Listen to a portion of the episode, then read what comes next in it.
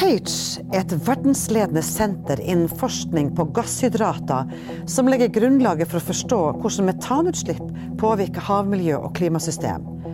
Senteret ledes av UiT-professor Karin Andreassen, og hun er gjest i Observatoriet i dag.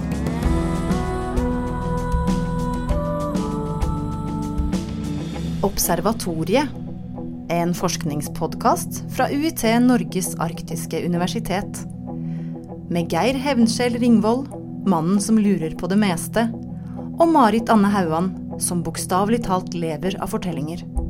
Og en ny, spennende forsker hver uke.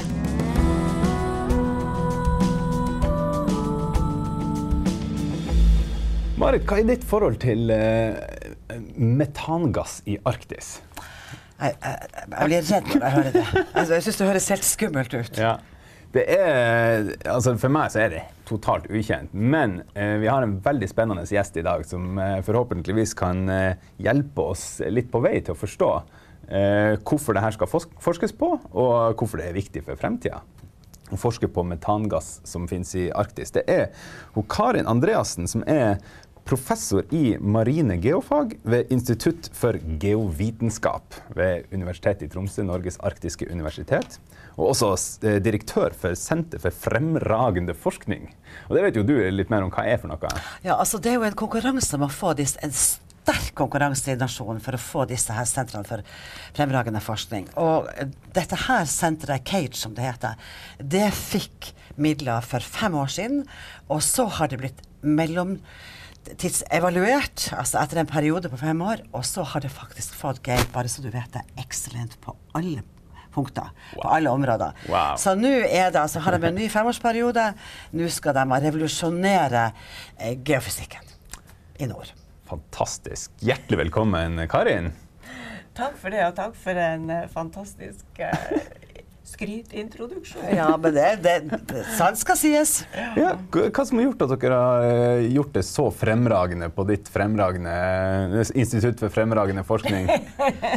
Mener du før vi fikk det, eller, eller, eller når vi fikk det? For vi måtte være fremragende for å få ja, det. Ikke sant? Ja. Og det var noe kompetanse som vi hadde bygd opp i, gjennom veldig mange år. Vi hadde gjennom mange år fokusert på marin geo, marine geofag, maringeologi og geofysikk i Arktis. Uh, og så hadde vi hatt mange prosjekter i Forskningsrådet og bygd opp en kompetanse som vi da endte med å få et sånt senter ved å bruke. Fantastisk.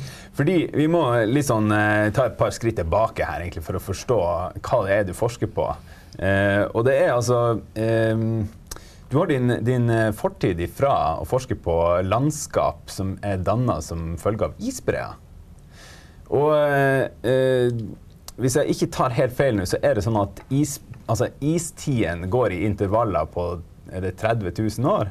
Ja, det varierer. Det er 100 000 lenger tilbake, og så er det en 30 000-40 000 år. Ja. Så landskapet som omgir oss i Norge, de, det er forma som en følge av at isen trekker seg Eh, frem og tilbake. Store deler av det landskapet, ja. Er ja. forma som en følge av det. Og det, det der du har din eh, altså det der du har jobba deg opp i gradene til å, til å eh, bli den forskeren du er i dag, stemmer det? Ja, ja, det er et av de ja. temaene som jeg har jobba med, og kanskje det jeg har jobba mest med. I tillegg til da det som Marit var inne på, metan, frossen gass, egentlig. Gass, gasshydrater under, under, og jeg jobber under havbunnen marint. Ikke sant? Ja. For det er dit vi skal nå. at uh, Det er jo veldig lett å se hvordan den isen har forma landskapet som omgjør oss her i Norge. Men uh, du er du, Karin, du er på en måte våre øyne under havoverflaten. Utenfor kysten, og særlig nordover da, i Arktis. Hvordan ser det ut der? Ser det ut, uh, altså Er det fjell og daler holdt jeg på å si, der også, eller? Ja, det er jo havbunnen du snakker om ja. nå. Og vi kan kartlegge havbunnen ved at vi sender på samme måte som vi sender lydbølger når vi har ekkolodd, så kan vi sende dem ut i sånn vifteformer. Så får vi kartlagt havbunnen ved hjelp av multistråleekkolodd. Og der har vi daler, og der har vi eh, ja, fjell, fjell, også. Høye områder, lave områder. Og vi kan se detaljerte former som, som et avtrykk av isens tilbaketrekning og isens aktivitet. Så ved hjelp av å studere disse formene, og samtidig også ta prøver nedover, eller ja, prøveta, altså sende ned sånne kjerner som, eller rør som vi borer ned, så får vi, eh, får vi deler av disse sedimentene opp, disse lagene opp. Så kan vi si noe om alder og miljø. Og så kan vi også sende lydbølger lenger ned enn du gjør ved ekkolodd, såkalt seismiske data. Da får vi lydprofiler av det som er, lenger, eh, av det som er under havbunnen. Hva kan lydprofiler gjøre? Hva kan de fortelle? Altså, vi, vi, vi, får faktisk ikke bare lydprofiler. Vi har utvikla en eh, nasjonal teknologi i Tromsø, altså 3D-seismiske data. Sånn at vi, vi lager tredimensjonale bilder av det som, eh, som ligger, de lagene under havbunnen. Så på samme måte som du er inne på at vi kan kartlegge havbunnen, vi kan få detaljerte bilder av havbunnen, hvordan den ser ut, så kan vi også få det for lagene som ligger under, når vi har disse tredimensjonale dataene. At du liksom skreller av havbunnen, og så ser du på det landskapet som ligger i ett lag under, og kanskje toppen av laget under der igjen. Så mm. langt nedover lagene i havbunnen kan vi lage oss bilder om hvordan landskapet var tidligere. Og når vi studerer hvordan det har vært, så forteller det oss noe om de prosessene som danna det. Hvordan ble det danna? Hva forteller det? Ja, Det forteller jo bl.a. hvis du ser på, på Barentshavet i dag, som ligger utenfor stuedøra vår, om, om istiden som har vært, om da vi hadde 1-2 km is som lå der, og, og gikk som en bulldoser fram og fjerna store deler av berggrunnen faktisk totalt er det Det høres utrolig ut, men det er faktisk fjerna over en kilometer med berggrunn i enkelte områder i Barentshavet. Den uh, siste istida nå, som var for uh, er det 10 000 år siden? Ja, det var for 10 000 år Det var for 10 000 ja. år siden. Og siden da så har den så klart trukket seg opp. Og nå er vi vel egentlig ganske langt unna neste istid. Ja, det strides vel de lærde en del, ja. en del om. altså. Du har Den naturlige utviklinga ville nok vært, eller er jo at vi får en ny istid, men det er jo usikkert når. Og så kan vi snakke om at eh, antropogen oppvarming, menneskeskapt, menneskeskapt, oppvarming, kan ha forsinka denne, ah. denne istida. Altså det, det, at vi eh, brenner så mye fossilt, eh, fossile fossil, fossile brennstoffer, og at vi slipper ut ikke sant, eh, metangass. Yes. Og, og, nå begynner vi å komme inn på det som er kan du si, altså kremen av det du forsker på i dag, nemlig metangassen. kan du fortelle litt om hva metangass er for noe? Altså, vi forsker på naturlig utslipp av, av metangass metangass eh, ifra, og vi forsker på naturlig utslipp fra havbunnen og veldig mye i Arktis. Og vi fokuserer også på uh, de, de, utslippene som er relatert til at det blir varmere, og til at den frosne gassen som ligger under havbunnen, kan tine. Metan er en naturlig drivhusgass som er opptil 30 ganger sterkere enn CO2 med tanke på oppvarmingspotensialet. Uh, den uh, Og den påvirker vår, uh, vår, verden? Den påvirker klimaet vårt. Mm. Så klart en drivhusgass, sånn at den mm. gjør at, at, vi At det blir varmere. At, ikke, at ikke så mye av energien kommer tilbake igjen, blir reflektert tilbake igjen som, som det som kommer, kommer inn fra sola. Men det er verstingen? Det er en versting på kort sikt. Du kan si at hvis du ser på over mange hundre år, så er nok CO2 viktigere. Men metan er mye kraftigere på kort sikt. Så hvis du ser på 25 år, eller kanskje opptil 100 år, så er den mye kraftigere enn en CO2. Og da kan den også få en sånn tilbakevirkende kraft, en såkalt feedback-effekt. Fordi at uh, hvis, det, hvis den, fører til, den fører til at det blir raskere varmere, og så vil havene våre bli varmere. Og så vet vi at en del av metangass også er lagra som frossen gass under havbunnen. Mm. På samme måte som vi på land har permafrost. Frossen, altså at jorda er frossen. Så er også jorda under havbunnen frossen. Eh, og, og, der er det metan i den også. Metan gjør at den frys, kan fryse eh, også ved relativt varme temperaturer. Hvis du har trøkk på, og når du er under havbunnen, så utøver havet et trøkk. og Derfor så trenger det ikke å være iskaldt. Det trenger ikke å være negative temperaturer. Du kan For at gassen skal fryse? For at gassen ja. skal fryse. Og når det da blir varmere, sånn som ah, ikke sant, når vi da hvis utslipp av metan i utgangspunktet fører til at uh, det blir varmere, så vil også det kunne føre til at den gassen, metangassen under havet som nå er frossen, vil kunne bli varmere, og så blir det en sånn uh, feedback-effekt. Så tiner det, og så bryter det ut? Og så, bryter, så kommer det ut enda mer. Utblåsning. Ja. Ja, utblåsning. Altså, vi, bare, hvis vi tar en liten pause, Geir. Mange kaller jo denne tidsperioden vi nå er i, innenfor, inni for antroposene.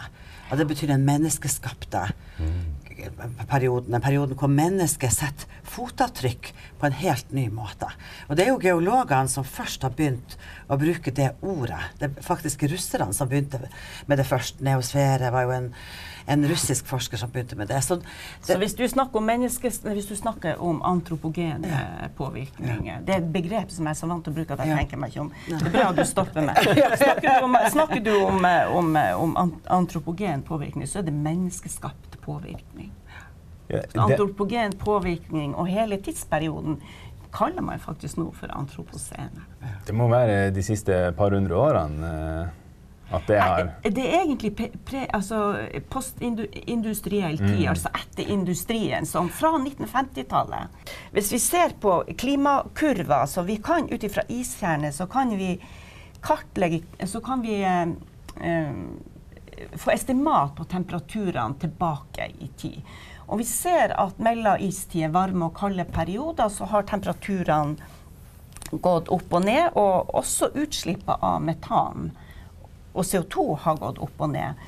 Eh, vi ser at eh, de utslippene eh, fra industrien begynte å, å, gjøre seg gjeldende og bli, og bli veldig aktiv og, og, og, stor nok, så ser vi at de har skutt i været. Sånn at metanutslippene f.eks. har nådd opp i maksimum en 700 ppm tidligere, før den industrielle tida. Men etter industrielle tid så har det skutt i været som ei sånn hockeykølle, som vi kaller, mm. kaller, det for. Det har gått rett opp, og nå er det på en 1800-1900. Så det har ikke vært så stort høyt tidligere som det nå er blitt i, eh, etter industri den store indus, industriaktiviteten. Og du føler deg sikker på at det er takket være oss mennesker? Ja, det er, det er nok rimelig klart mhm. eh, eh, klare indikasjoner på at det er, det er menneskeskapt aktivitet som har, som har, gjort dette. Altså det sånn som vi opptrer på jorda, hvordan vi fossilt brennstoff snakka om tidligere. Men tilbake til det her, det, her, eh, altså det, vi, det vi ser ikke sant, på mm. havbunnen. For det er jo så morsomt. Vi har jo et ord for for, sånn som det ser rundt oss på jorda. Vi kaller det for landskap. Mm. Og så kan vi jo snakke om sjø, at vi har et parallelt sjøskap. Mm. Det er jo et ord som vi bruker lite, men som antall forskerne bruker. Eh, og, og så, så, kartlegger dere det, så har dere disse her vifteforma ekkoloddene som tar disse bildene, og så, så, ser dere noen ting. Og da ser dere selvfølgelig hvordan isbreet har beveget seg, men dere ser også noen krater. Det har vi allerede lest om i Science og i forskning.no. At dere ser noen Snakk for deg sjøl. Men hva er de her kraterne for Hva er det vi, hva er det vi hva er det, Beskriv det. Hva er det ja, vi, vi, ser? Vi ser på havbunnen store krater. Uh, som er ganske rund, og som har en di de største har en diameter på 1 km. Altså den samme Like lang som Tromsøbrua, for de som kjenner Like lang som, som, som, som eh, Tromsøbrua. De er sprengt ut i berggrunnen. Og de, de leker metangass i dag også, så vi kan òg kartlegge hvor metangassen kommer, kommer opp i, eh, i vannet i dag.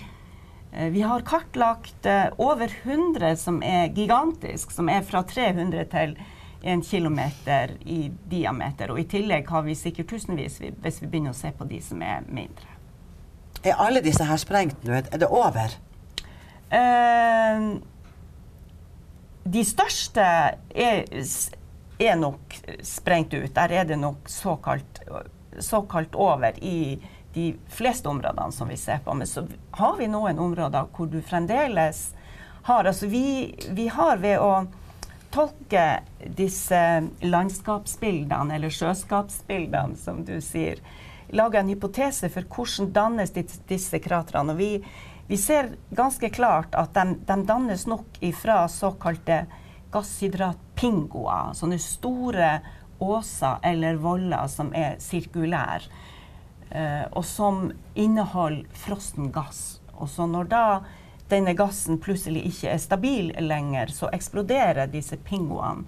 Og så kommer gassen veldig brått opp, og så kollapser hele eh, disse formene, og så blir det kratre. Og noen områder i Barentshavet så er det fremdeles bare pingoer, gasshydrat voller som står og leker. Vet du hva?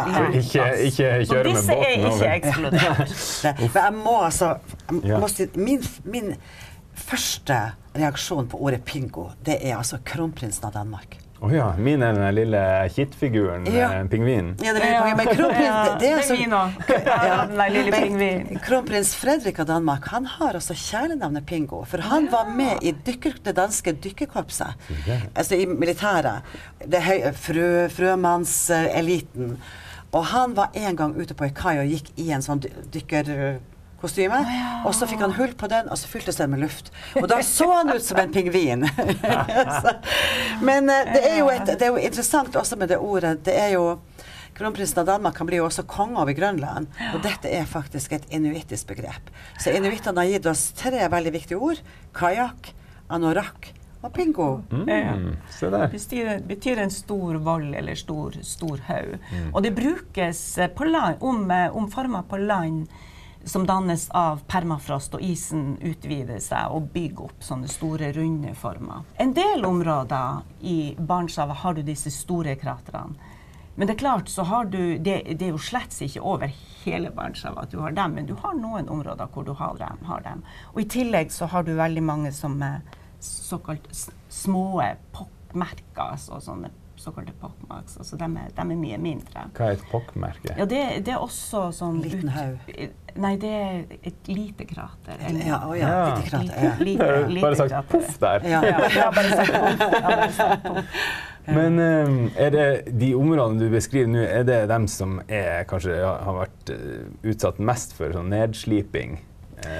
Ja, de, vi, har, altså, vi kartlegger eh, eller tolker prosessene for hvordan dannes disse, disse store gassutslippene. Mye for å kunne lage hypoteser og si noe om hva vil skje framover i tida. Hvor, hvor, mm. Eh, hvor, hvor stabil er de som da ikke er, har, er blåst ut. Og vi ser klart at i så, et sånt petroleumsområde som Barentshavet, så er de relatert til dypere hydrokarboner. Så vi kartlegger også hvor kommer gassen fra. Hydrokarbon, hva er det? Og det er der du har olje og gass ja. dypere. Uh, så det, oljen og gassen har rett og slett leka opp og drenert fra reservoarene som ligger lenger ned, og så kommer, kommer opp. Så det kommer fra den dypere oljen og gassen i Barentshavet. Så det er der Det er en sånn, en sånn uh, sammenkobling mellom isen, hvordan isen har påvirka de, de dypere områdene, reservoarene med olje og gass. Ja, isen har fjerna store deler av berggrunnen og påvirka trykket, og så har gassen kommet, kommet opp da, fra de dype reservoarene. Så har den blitt lagra under havbunnen som frossen gass, som gasshydrat. Og når nå klimaet endrer seg, eller tidligere også har endra seg, så blir denne metangassen Eh, frosne metangassen frigjort, og så kommer det da opp som fri, metan, fri metanboble. Du er altså eh, professor nå i eh, maritim eh, geofag Nei, maritime marine geofag, heter det. ja. ja. Eh, hvordan eh, var veien for deg fra unge, holdt på å si, unge Karin til i dag? Hva som gjorde at du, du syntes at det her var akkurat spennende nok til at du skulle vie livet ditt til? vie livet og vie livet. Man jobber, man jobber, jeg jobber med noe som jeg syns er artig. Jeg vet ikke om jeg vier i livet til det. Men uh, nei, det er jo ikke så lett å vite hva man skal gjøre. Jeg har bestandig vært interessert i realfag. Matematikk og datafag og statistikk. og Og regna vel med at det var det jeg ville, var det jeg starta på, og regna med at det var vel det jeg ville fortsette med. Fordi jeg syntes det var artig. Jeg har nå gjort det jeg syntes var artig. Men så var jeg da på Svalbard besøkte en venn av meg og uh, gikk på turer rundt på Svalbard og ble helt fascinert av landskapet der. For der er det så lett å se sammenhengen mellom hvordan landskapet dannes og breene. For breene ligger jo der, og så ser du landskapet foran der breene har trukket seg bort. Og i tillegg så har du ingen vegetasjon der. Mm. Sånn at der er alt så nakent og åpent. Men ellers så er det jo landskapet veldig mye dekka av, av uh, vegetasjon, av trær. Sånn at da må du ofte ellers ha, bruke satellittbilder for å klare å se de store trekkene. Men på Svalbard så ligger det så opp i dagen. Så da kom jeg tilbake til Tromsø, til Universitetet i Tromsø, der jeg var begynt å studere realfag. Og så tenkte jeg hm, jeg må lære litt mer om landskapsutvikling og koblinga mellom isbreer, for jeg syntes det var spennende. Og så fortsatte jeg med det. Da ble du geolog. Da ble jeg geolog. Ja. Og, så, og, så, vet du, så, så, skjer det noen endringer, for hun har altså også blitt geofysiker. Hvordan skjedde det? Er det bare sånn Hva er forskjellen, egentlig? Ja, hva er forskjellen? Ja, når geofysiker, da bruker du geofysisk metodikk for å kartlegge, kartlegge geologien. Og jeg sa at jeg starta som eh, med generell interesse for realskap, så for meg, eh, realfag, så for meg var det veldig naturlig at jeg skulle lære mer om geofysiske teknikker, fordi at jeg syntes det var kjempespennende. Så det var nok sikkert den koblinga for, for, det matematiske som gjorde at jeg fortsatte med geofysikk. Men for å lære meg geofysikk eh, som jeg da tok en doktorgrad i, så valgte jeg å studere gasshydrater, frossen gass under havbunnen. Og det var på et tidspunkt hvor ingen var interessert i det i det hele tatt. Men det var jo noen rare utslag på de seismiske målingene som man hadde, sånn at jeg kunne bruke jeg brukte disse rare fenomenene for å lære meg geofysikk. Dvs. Si at jeg tok det som eh, doktorgrads studie som, eh, som eh, oppgave. Men da, kan jeg, jeg må altså stille det spørsmålet. Det brenner. Det brenner. Det brenner. det brenner. Få det ut. Ja. Um, altså, Cage, dere jobber med eh, gasshydrater og miljø og klima. Og vi har snakka om disse metangassene som jo varmer opp, er med på å varme opp jordoverflata, og som tiner de frosne pingoene og kan forårsake nye utblåsninger. Både ganske kvikt. Har dere noen, har dere noen sånn fremtidsscenarioer for klima? Vil det bli varmere? og våtere og villere. Er dere enige med de som sier det? Jeg kan svare på. Ja, ja. Det, blir varmere. Ja, blir det ikke? Men har dere noe sånn Ser dere, har dere satt et tidsspenn og har noen sånne teorier? Altså, det er rimelig kompliserte prosesser vi jobber, vi jobber med. Um, og jeg tror nok det spørsmålet du stiller nå, det krever ve mm. veldig mye altså Da må du inn på veldig mange ting hvis du skal snakke om, det blir, om det, hvordan klimaet vil utvikle seg. Men vi, vi, lager hypoteser for hvordan gass brått også kan, kan slippes ut ifra, ifra havbunnen. Uh, og vi kartlegger disse formene der gassen ennå ikke er sluppet ut. Og vi prøver også å beregne det, om altså katt vil det kunne slippe ut, og hvordan vil dette kunne påvirke klimaet. Men det er en liten brikke, det er små brikker i store, store prosesser, da, sånn at det vil kunne gi bidrag til å skjønne mer hva som skjer. Og kanskje til å forstå også hvorfor det kan gå raskere enn det man har trodd tidligere. Altså, vi har jo et pollenvarsel som kommer hver vår. Ja. Kan vi kan få et pingovarsel? ja, nei, jeg bare tenkte om det var noen eh, muligheter for at eh, det gikk an til å utnytte den gassen på noen måte. Det er kanskje litt sånn dårlig ressursutnyttelse å bygge sånne kupler over alle de her pingoene? altså, du har jo det, altså, det er klart det skal mye altså, teknologi mm. og utforskning til å se om man kan utnytte gasshydrater. Eh, og det er ikke det vi fokuserer på, det er nok helt annen teknologi som må på plass. Fordi at fokuset da vil være helt annerledes enn det vi fokuserer på nå.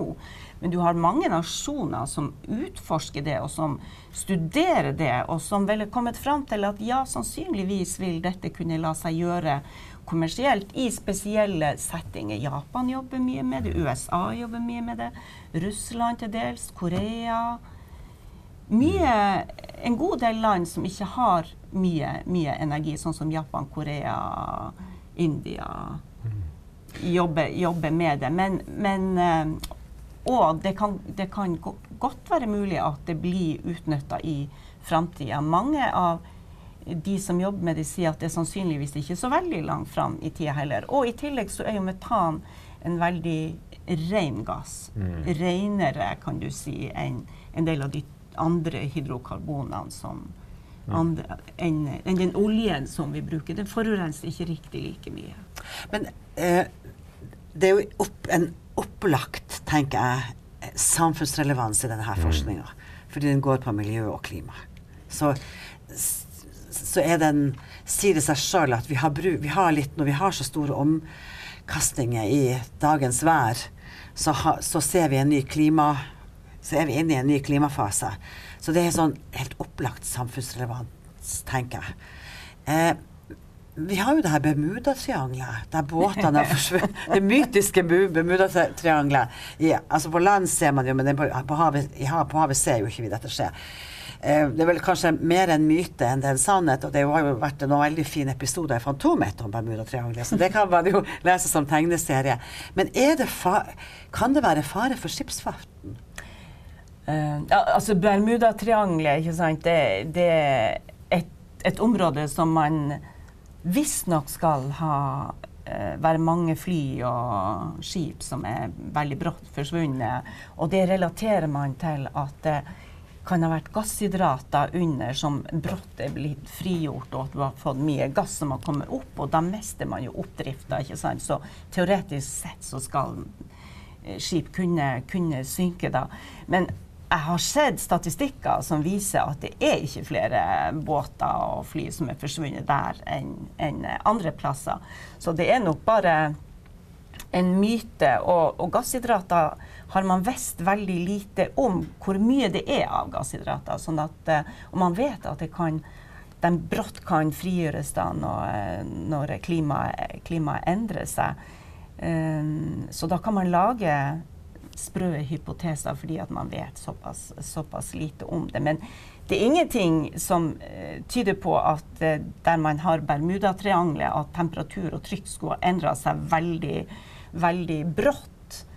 Uh, jeg vil nok tro at det heller ikke bare tro, jeg er rimelig, helt sikker på at det ikke er noe fare for skipsfarta utenfor i norske farvann heller, for vi har ikke sånne brå temperaturendringer eller brå trykkendringer som vi hadde når isen trakk seg tilbake. De kratrene vi ser på, de store kratrene, de ble danna etter isen trakk seg tilbake, etter det hadde vært istid. Og, og, isen trakk seg tilbake. Da fikk du veldig store trykkendringer fordi at isen var flere kilometer tjukk og trykker veldig på det som er under. Så da, og da hadde vi også samtidig brå temperaturendringer, så da ble disse danna. Men sånne store, bråe gassutslipp, det har jeg lite tro på kan skje i dag i våre områder, altså mm. utafor norskekysten. En annen ting er hvis du ser på områder hvor isen trekker seg tilbake i dag, utenfor Grønland f.eks., eller Antarktis. Der vil jeg tro at samme prosesser vil kunne skje. Så det vil si altså at det er ikke noe sånn umiddelbar, uh, umiddelbart behov for å lage sånn sjøkart med nei, sånn minefelt, holdt jeg på å si, hvor man skal styre unna. Men uh, det har vært en stor stor glede å snakke med deg, Karin. Jeg føler jeg har lært mye om et felt jeg ikke skulle tro at jeg var så interessert i. Men nå, oppfordrer jeg i hvert fall alle som lytter til det her, til å gå inn på Google Maps og se med egne øyne egentlig hva de er for noen kratrene. Har du noen gode forslag på områder man kan søke seg inn på, Karin? Ja, hvis man søker på krateret Jamal, Jamal. Jamal. Ja. Eller Krat Yamal. Eller Ja. Kratre Sibir. Ja. Craters Siberia. Eller hvis man går inn på Cage, C-A-G-E, altså senteret sin hjemmeside, har en ypperlig egen hjemmeside hvor du kan få referanser til det meste, blant også til artikler skrevet av vår eh, ekspert. Yes. Og ikke minst eh, Universitetet i Tromsø, Norges arktiske universitet sin jubileumsnettside, som er, Marit UiT.no skråstrek 50! Ja, det er rett. Karin Andreassen, tusen hjertelig takk skal du ha. Eh, takk skal du ha. Takk til dere også.